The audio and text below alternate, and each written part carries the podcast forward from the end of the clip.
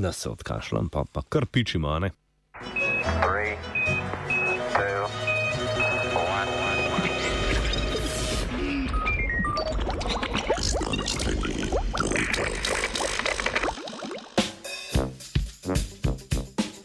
Sonce šenka protone, kot da so zaston.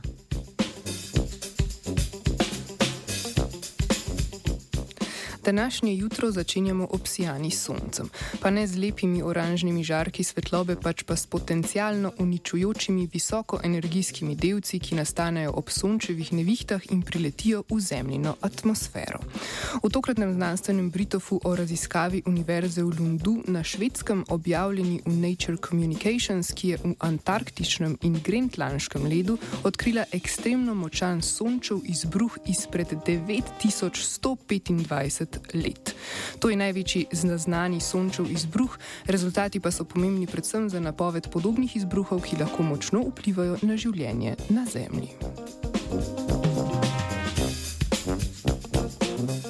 O preteklih sončevih izbruhih sklepamo na podlagi koncentracije jedr radioaktivnih izotopov berilija in klora, ki nastanejo ob trkih sončevih energijskih delcev, ki se skozi čas sedimentacijo nabirajo v ledu.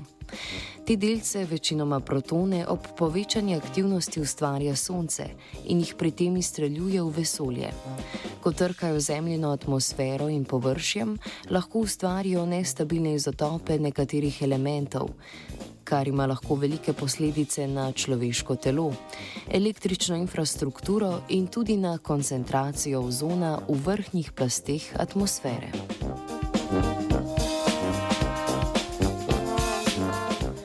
Za raziskovanje sončeve pretekle dejavnosti so raziskovalci in raziskovalke Univerze v Lundu preučili sestavo ledu na obeh zemeljskih poljih, na Grenlandiji in na Antarktiki. Izvrtali so okoli pol metra globoke vzorce, kar je debelina, ki ustreza zadnjemu obdobju sončeve aktivnosti. Iz ledu so na to izločili nabite delce, preparat pa so analizirali z masnim spektrometrom. S tem so določili razmerje nestabilnih izotopov berilija in klora v primerjavi primerjavi z v naravi pogostejšimi stabilnimi izotopi.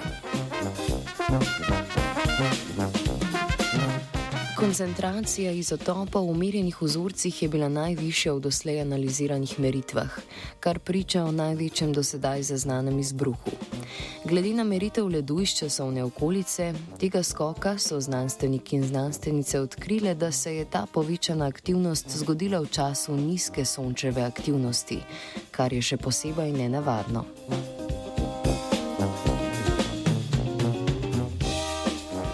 Ker imajo sončevi izbruhi zelo močan vpliv na človeško elektroniko, si znanstveniki prizadevajo podobne aktivnosti napovedati. Ker bi s posebej močnim izbruhom izgubili večino elektronskih vezij, kot se je to zgodilo v Evropi leta 2003, nas predvsem zanima napovedovanje največjih aktivnosti. Z novo zaznanjem največjim izbruhom smo zato bližje razumevanju tako imenovanega worst case scenarija ob tako močni sončevi aktivnosti, ki bi brez dvoma stvrla večino delujoče elektronike na Zemlji in drastično spremenila življenje na njej. Na ledu se je sončil Filip.